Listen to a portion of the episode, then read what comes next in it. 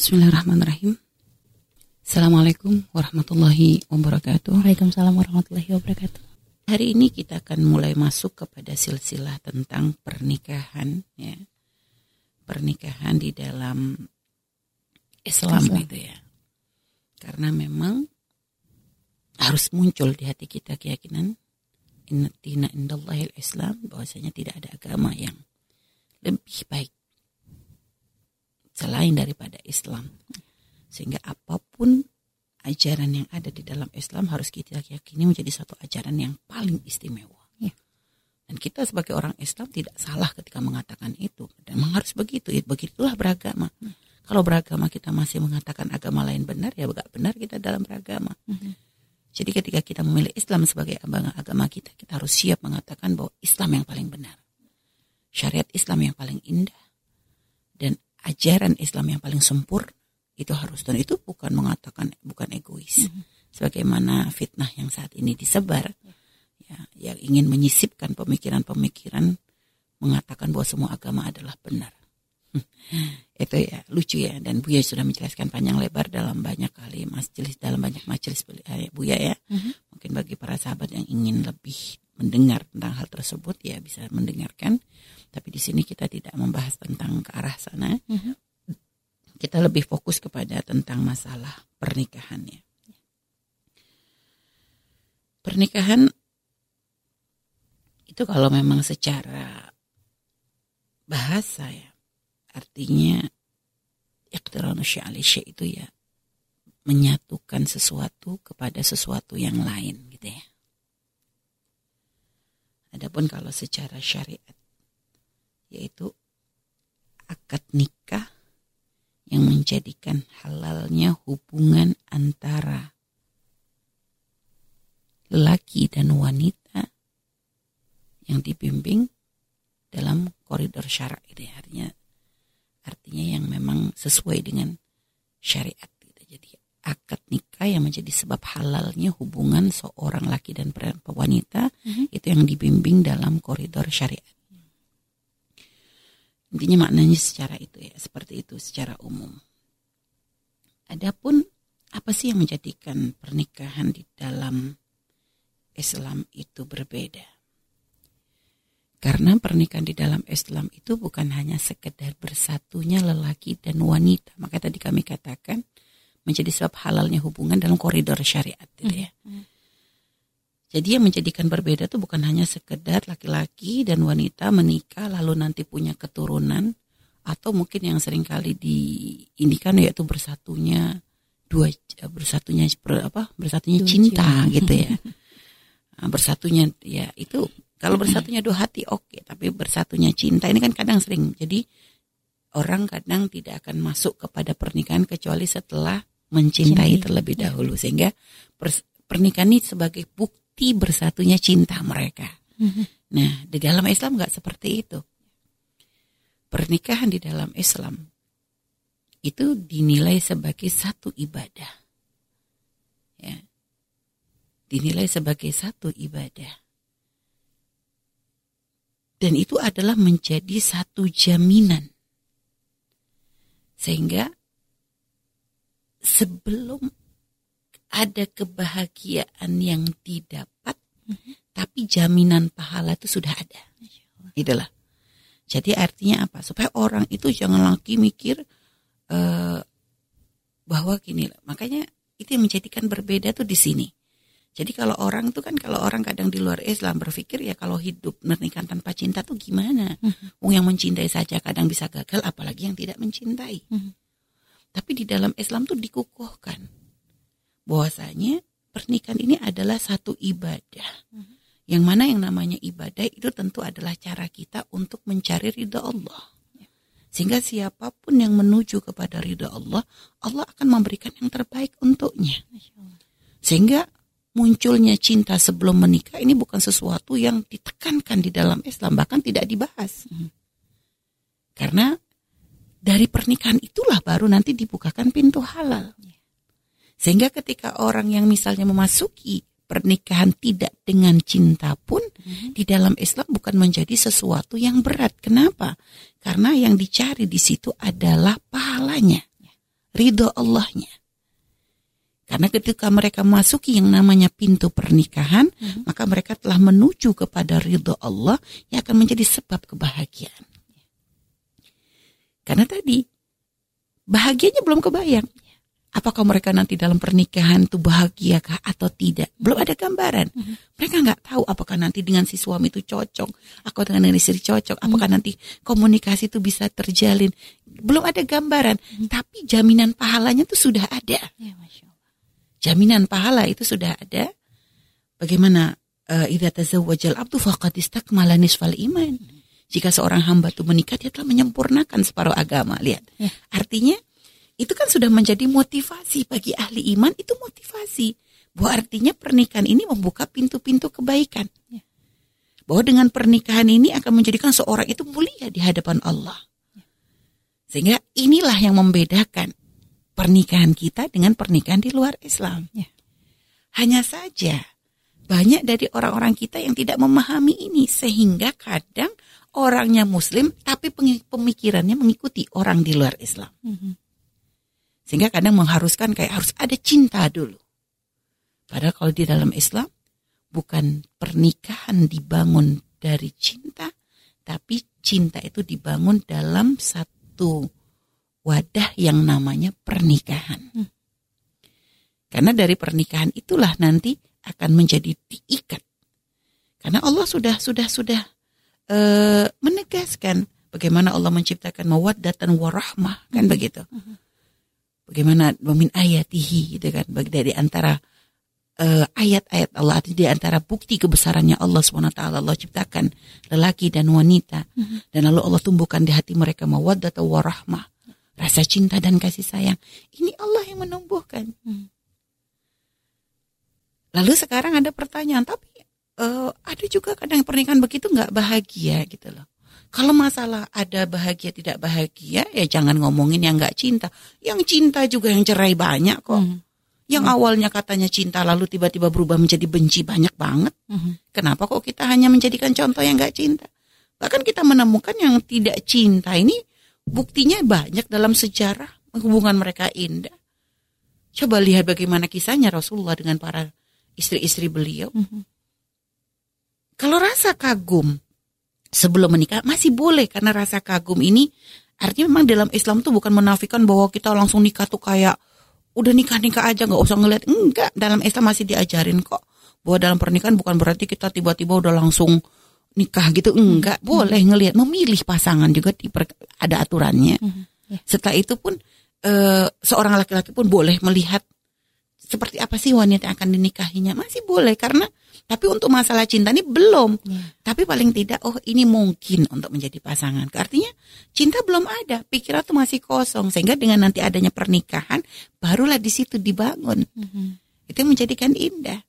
Jadi bukan kayak istilahnya orang kayak beli kucing dalam karung. Gak ada. Istri kok dibilang kucing tuh gimana? Gak ada seperti itu. Ya.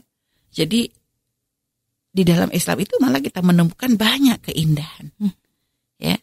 Ya Artinya benar-benar orang itu uh, membangun ya, jadi mem, itu di situ menunjukkan bentuk kepasrahan kepada Allah Subhanahu wa taala bahwa ya Allah, aku tuh menjalankan syariatmu dengan menjaga dari keharaman. Kita jaga dari hal-hal yang menjadikan yang menjadi mukaddimah mukaddimah zina mm-hmm. untuk menuju kepada suatu pintu yang di situ Allah bukakan banyak kebaikan. Yeah. Fakodistak malanis fal iman, bayangkan menyempurnakan separuh agama. Luar biasa. Separuh agama disempurnakan dengan pernikahan. Karena memang itu tadi poin yang paling penting di dalam pernikahan itu, mm-hmm. itu adalah makna ibadah. Itu tadi. Mm-hmm. Itu yang dibesarkan. Ibadah supaya orang tuh faham. Jadi bukan hanya menjadikan pernikahan itu sebagai bangga-banggaan, aku udah laku. Seperti hmm. tadi kata Nadia di awal tuh kan kadang hanya sekedar, aduh uh, ini yang pokoknya sudah iya yang lain udah nikah aku belum. Ini kan nanti dibilang nggak laku dibilang gak seperti itu. Mm-hmm. ya. Nah jadi setelah kita memahami akan makna ini gitu ya maka semuanya itu akan berupaya. Karena sudah dari awal ini makna ibadah mm-hmm. ini sudah terpatri di dalam hati dan pikiran kita sehingga kita pun akan berpikir bahwa untuk memasukinya, arti proses untuk menuju kepada pernikahan pun Mhm. semuanya harus jangan sampai menjadikan kita mendapatkan murka dari Allah. Ya. Karena tadi ibadah itu adalah bentuk pengabdian kita kepada Allah. Bentuk kita untuk mencari ridho, itu cara kita mencari ridho Allah. Mhm. Nah, kalau di saat kita punya keinginan untuk mencari ridho Allah, maka jangan dicampur dengan sesuatu yang haram. Ya. Makanya orang yang tidak akan mengerti makna pernikahan jika ternyata mohon maaf dia kecelakaan dulu sebelum menikah. Hamil dulu sebelum menikah, dia berarti nggak paham makna pernikahan. Bagaimana dia akan memasuki pernikahan tapi dimulai dengan yang haram. Atau tadi dengan pacaran dulu. Membuka mukaddimah-mukaddimah zina. Nah ini. Jadi orang kalau memahami makna ini tuh akan menjadi indah. Jadi dari awal memilih pasangannya dia hati-hati, lalu dalam menjalaninya pun hati-hati. Mhm. Maka di dalam Islam tuh khidbah ada. Ya.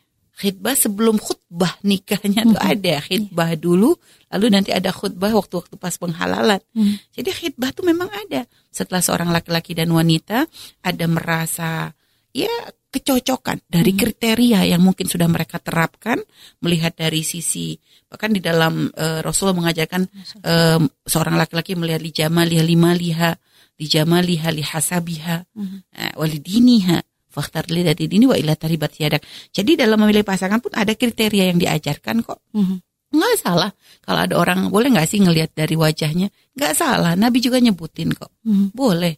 Karena itu nanti akan menjadi pasangan kita. Minimal kita harus merasakan, ah mungkin kok saya senang dengan dia gitu. Cinta belum muncul, tapi dia mungkin kita akan merasa nyaman dengan dia. Mhm. Jadi jangan dari awal sudah ilfil dulu gitu loh. Artinya sudah ada ada kagum. Mhm. Paling tidak, oh masuk kriteria wajahnya masuk kok. Ya. Ya gitu. Setelah itu apa? Lima lihat, boleh aja ngelihat dari hartanya. Ya namanya manusia kok. Ya kita boleh melihat dari sisi itunya. Seorang wanita melihat laki-laki ya paling tidak pekerjaannya. Apakah ini nanti karena kita menikah pun gak hanya modal modal seneng saja kita butuh orang yang akan bisa mampu memberikan nafkah, tapi pun jangan hanya kalap di bagian nafkahnya saja harus dilihat kira-kira pekerjaannya halal atau enggak kan gitu. Gak ada masalah, boleh gitu loh. Karena memang Rasulullah pun mengajarkan wali hasabiha. Hasab di sini adalah karakternya. Hmm. Karakternya. Lah, untuk mengetahui karakter ini nggak bisa spontan. Tapi nanti mungkin menanyakan kepada orang yang mengerti. Ini sebenarnya pembahasan lain ya. Nanti Iya. coba kita sisipkan di sini gitu ya.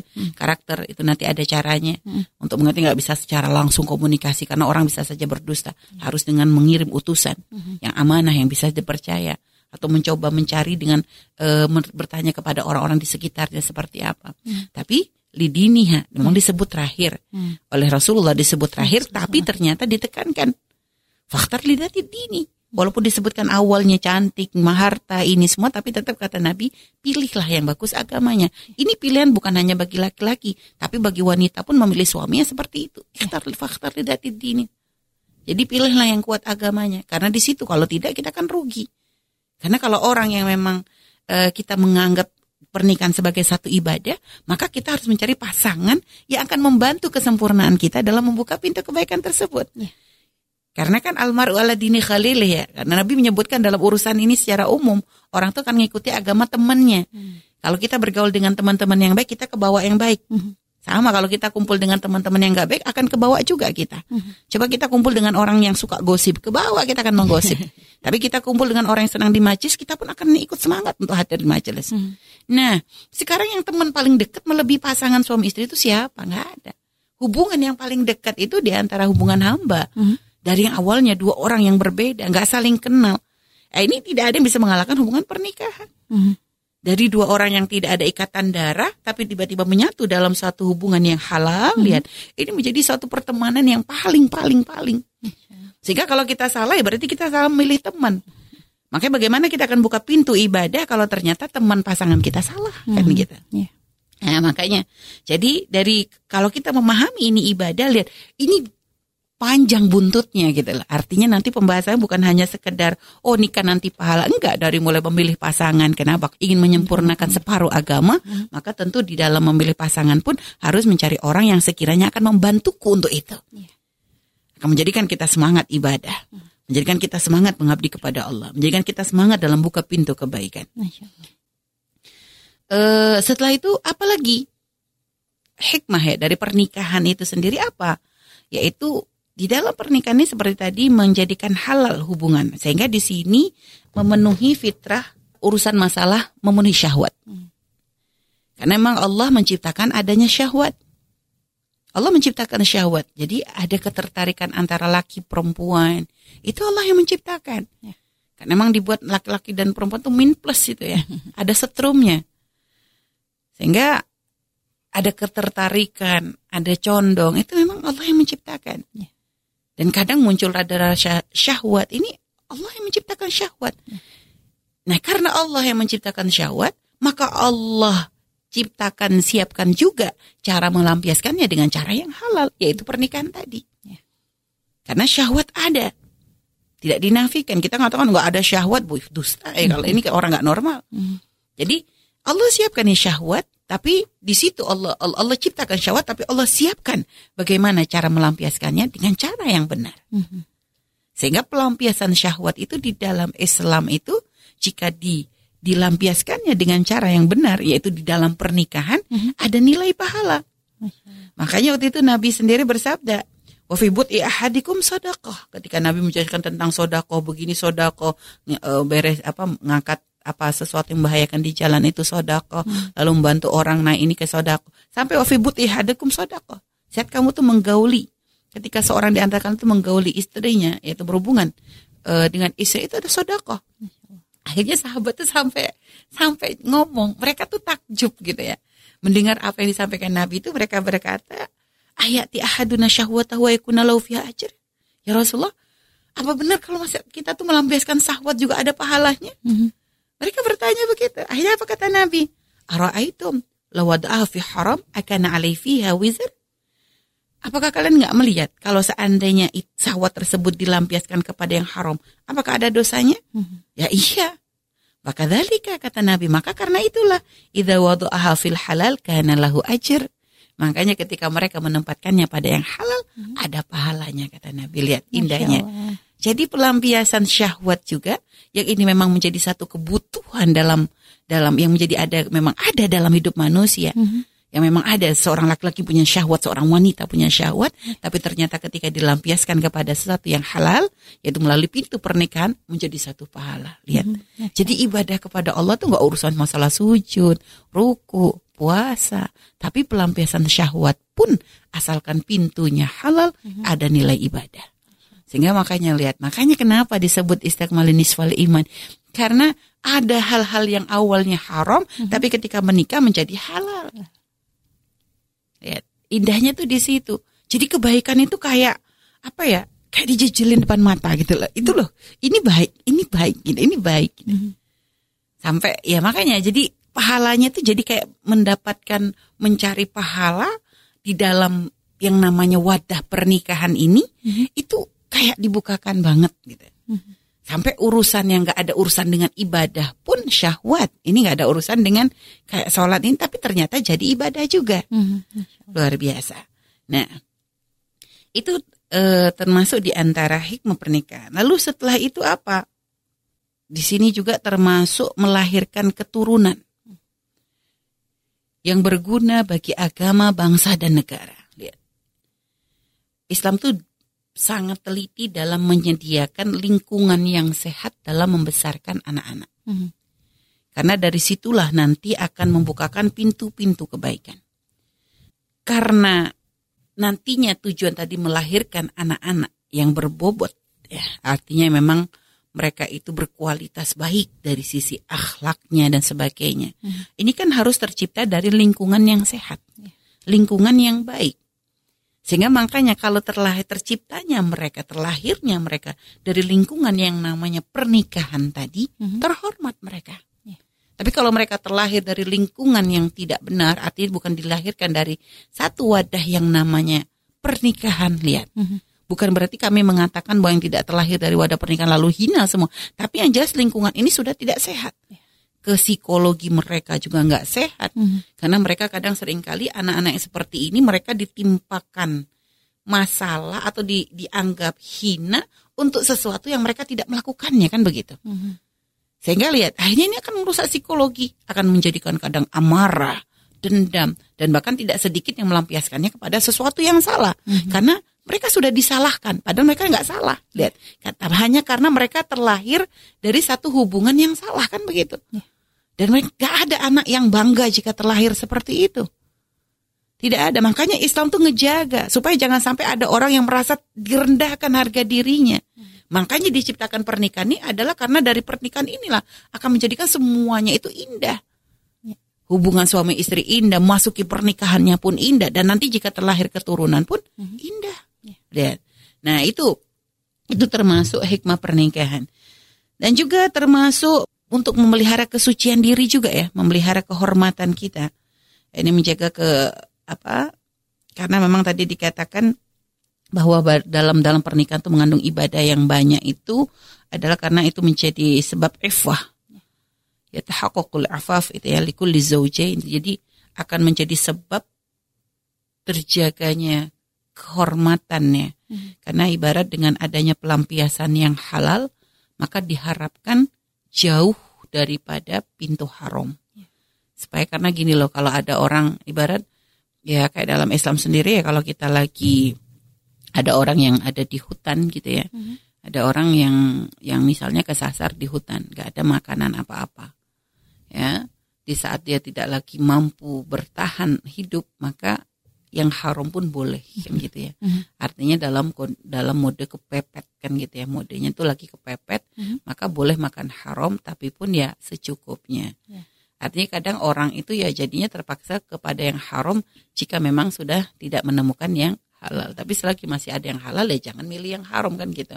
Jadi kalau ada orang terjebak di hutan selagi dia masih menemu ayam ngapain dia ngambil ular kan gitu. Selagi dia sudah masih nemukan rusa ya jangan ngambil babinya kan gitu. Mhm. Nah tapi kalau sudah mepet yang halal-halal nggak ketemu sudah nggak ada lagi untuk bertahan hidup maka yang haram boleh kan gitu. Mhm. Nah dalam ini pun dalam masalah hubungan lelaki dan wanita makanya pun ada pintu haram ada tapi kan Allah bukakan tadi pintu halal Ya. sehingga dengan harapan apa ketika sudah pintu halal ada ya sudah cukup dong.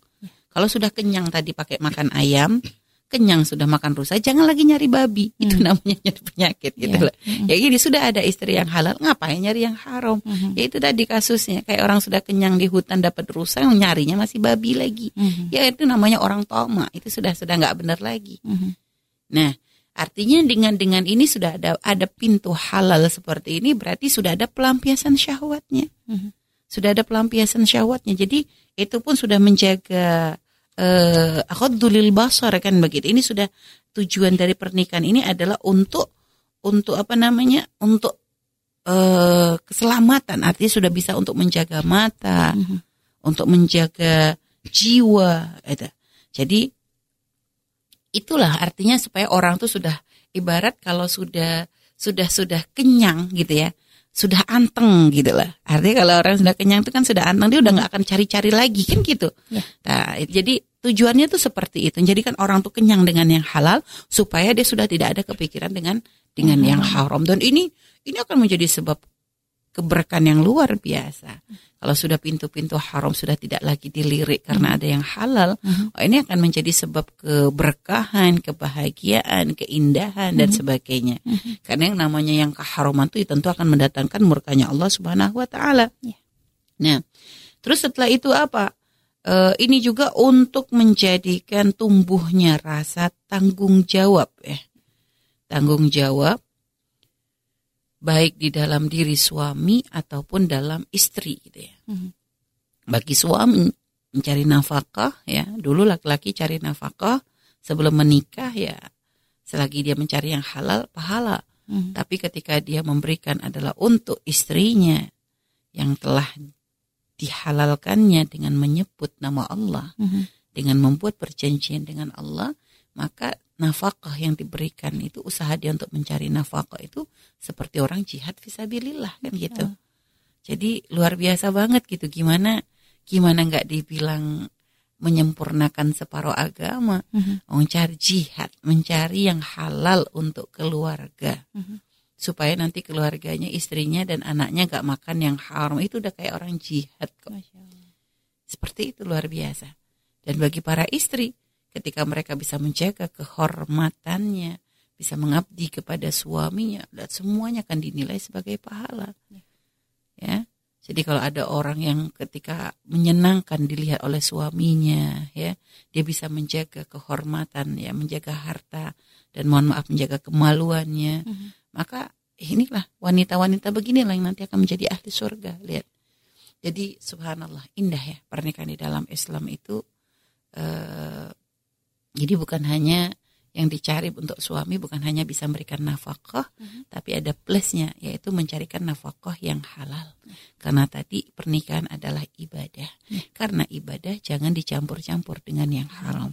Tapi kalau orang nggak mengerti bahwa pernikahan sebagai ibadah, mencari nafkahnya akan asal. Uh-huh. Yang penting cukup untuk anak istri. Yeah. Pintunya dari mana nggak akan dipikir. Karena dia tidak menyambungkan dengan ibadah. Hmm. Tapi karena di dalam Islam ini sudah dari awal harga matinya dari pernikahan ini adalah ibadah. Jadi nanti dalam prosesnya hmm. pengabdian istri kepada suaminya karena apa? Cari ridho Allah. Hmm. Nyenengin suami karena di balik itu ada ridho Allah. Seorang suami mencari nafkah untuk istrinya itu pun ada yang diharap apa? Ridhonya Allah juga. Sehingga mencarinya pun dengan dari pintu-pintu yang halal untuk menyempurnakan separuh agama hmm. tadi. Nah, inilah adalah gambaran tentang hikmah pernikahan dalam Islam ya, yang sangat luar biasa sekali yang harus kita yakini sebagai suatu uh, keindahan yang sangat-sangat luar biasa. Hmm. Dan subhanallah di dalam Islam itu semua permasalahan tuh dari mulai yang paling gede hmm. sampai yang paling kecil pun semuanya tuh dibahas. Yeah. Ada di dalam Islam jawabannya. Makanya bagi kita Eh, muslim dan muslimah hendaknya kita merasa bangga dan merasa bersyukur karena Allah jadikan kita orang yang mengenal syariat Allah, orang yang mengenal syariatnya Nabi Muhammad SAW. Semoga itulah menjadi sebab kita selamat di dunia dan di akhirat. Allah alam bisawab. Amin amin ya amin. Ah, masih ada yang tertinggal kita, rupanya oh, gitu, tentang silsilah pernikahan, masya Allah. Uh, tadi nanti ada yang ketinggalan dari antara hikmah pernikahan. Sebenarnya banyak ya, cuma hmm. ini kita ambil yang poin-poin pentingnya saja hmm. ya. Termasuk di antaranya itu adalah membangun hubungan silaturahmi yang indah ya. ya nah ini juga termasuk uh, hikmah dari pernikahan yang jangan sampai ketinggalan. Mm. Artinya pernikahan itu bukan hanya sekedar menjadikan bersatunya lelaki dan wanita. Mm. Gak sekedar itu akan ya. tapi ini membangun silaturahmi yang lebih umum lagi. Kenapa? Karena si laki punya keluarga, si ya. wanita punya keluarga. Mm. Ada orang tua, ya orang tua dari laki-laki orang tua dari wanita diharapkan dengan pernikahan ini akan menjadi pengikat itu semuanya yeah. yang menikah yang ber, yang bertemu satu mm-hmm. tapi yang di yang di yang disambung silaturahminya mm-hmm. banyak keluarga besar kan yeah. kita keluarga besar sehingga di situ eh, makanya jadikan pernikahan itu adalah ladang untuk bisa semakin berbakti kepada orang tua mm-hmm. jadi jangan sampai menjadi sebab seorang anak dan orang tua itu jauh gara-gara pernikahan ini salah yeah apakah itu yang laki atau yang perempuan sama walaupun hmm. memang secara tanggung jawab hmm. begitu seorang wanita beralih tanggung jawabnya pindah kepada si suami hmm. yeah. nah ini loh banyak orang yang salah paham sehingga mereka banyak yang berpikir ketika sudah berpindah tanggung jawab menjadi uh, berpindah kepada suami hmm. jadi kayak kayak seakan diputus dari orang tuanya ini enggak ada yeah. Gak ada seperti itu pindah tanggung jawab itu bukan berarti mutus yang sebelumnya hmm jadi suami gila kalau sampai ada suami yang istri, gak seneng istrinya deket sama orang tua. Hmm. Sama istri yang gila kalau gak suka suaminya deket sama orang tuanya. Ya. Sadar diri dong. Dulu sebelum dengan kamu tuh dia sama siapa pasanganmu tuh? Hmm. Yang melahirkan, yang ngerawat, yang ngegedein tuh siapa? Sadar. Hmm. Hmm. Ini orang-orang yang kadang otaknya nggak sadar, egois. Ya. Jadi ngerasa ini milikku, suamiku milikku, istriku milikku. Ini gimana sih? Hmm Dulu kalau istrimu tuh nggak dirawat sama bapak ibunya tuh gimana? Iya. Jadi pikir dong. Jadi jangan langsung kayak dilepas sudah merasa tanggung jawab ini sudah istri harus patuh kepada suami. Hmm. Emang benar istri patuh kepada suami, hmm. tapi jangan sampai kepatuhannya tuh menyuruh dia lepas dari bapak ibunya. Yeah. Seorang suami yang baik akan ngajarin istrinya untuk semakin berbakti kepada ibunya, ibunya setelah pernikahan. Begitupun sebaliknya, hmm. istri yang soleha gak akan pernah memutus, gak akan ada istrinya istilah istri cemburu gara-gara suami dekat sama orang tua. Hmm. Itu istri gila. Hmm. Jadi kalau istri yang soleh dia akan bangga ketika suaminya ternyata bisa menjadi anak yang berbakti kepada orang tuanya, hmm. memberikan perhatian kepada ibundanya. Loh ibundanya kok gak akan bisa tergantikan. Hmm berapa besar jasanya orang tuanya itu diingat dong. Kalau nggak karena begitu nggak akan bisa ketemu sama dia sekali badai kan begitu. Ya. Walaupun memang mempertemukan dia, tapi kan yang mempertemukan saya Allah ya Allah. Tapi kan ada jalurnya. Jadi jangan sok-sokan pakai membawa nama Allah untuk meloloskan hawa nafsu ini kan kurang ajar. Hmm. Ya keegoisannya. Nah ini Makanya membangun silaturahmi. Makanya subhanallah kalau udah pernikahan tuh dimulai dengan cara yang indah tadi. Mm-hmm. Lihat, membangun silaturahminya pun akan indah. Yeah. Sehingga nanti hubungan orang tua dengan anak pun indah, hubungan antara sesama besan pun indah. Mm-hmm. Makanya di sini kan ada kriteria nanti kita akan bahas masalah memilih pasangan mm-hmm. supaya nanti yang namanya silaturahmi ini benar-benar terbangun. Yeah. Ini adalah dari ketidaksalahan kita di dalam memilih pasangan. Mm-hmm. Makanya kalau kita sudah salah dalam memilih pasangan, memilih pasangan yang tidak diridhoi oleh orang tua kita, ini bukan bangun silaturahmi, memutus silaturahmi. Dan ini kadang banyak terjadi demi cinta. Lah ini mau menuju ibadah, orang bapak ibunya sudah didolimi dulu. Mau dapat ridho Allah dari mana? Yeah. Tapi kan kadang di film-film begitu, Mi. Kayaknya kalau udah cinta itu sudah kayak itu kan karena filmnya cuma selesai di situ. Mm-hmm. Coba dilanjutin tuh gak bahagia. kalau filmnya ditambah lagi durasinya, itu mah dalam kalau dalam dunia nyata nanti ribut dia. Mm-hmm. Lawang dengan orang tua yang rawat dia dari kecil aja di, dia zalim kok, mm-hmm. apalagi sama pasangan yang baru ketemu sebentar mm-hmm. hanya atas nama cinta. Itu sesaat. Mm-hmm. Kalau cuma gitu mah cinta hawa nafsu itu sesaat. Nanti kalau sudah bosan balik lagi. Bapak ibunya yang setulus itu saja ditinggal. Bapak ibu yang berjuang sampai taruhannya nyawa aja ditinggal. Hmm. Apalagi cuma suami yang hanya ketemu baru beberapa saat. Hmm. Atau istri yang baru bertemu beberapa saat. Ya kan gampang banget ditinggalnya. Hmm. Yang kayaknya jangan-jangan nikahkan anakmu dengan orang yang durhaka kepada orang tuanya. Jadi jangan sampai anak kita tuh menikah dengan suami yang durhaka kepada orang. Begitupun sebaliknya. Jangan wahai laki-laki jangan menikahi wanita yang durhaka kepada orang tuanya.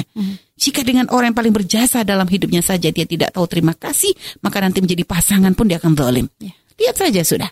Itu sudah harga mati. Sehingga makanya subhanallah, jadi pernikahan dalam Islam pun tujuannya adalah untuk membangun silaturahmi yang indah. Ya. Jadi seperti itu ya. Baik Allah alam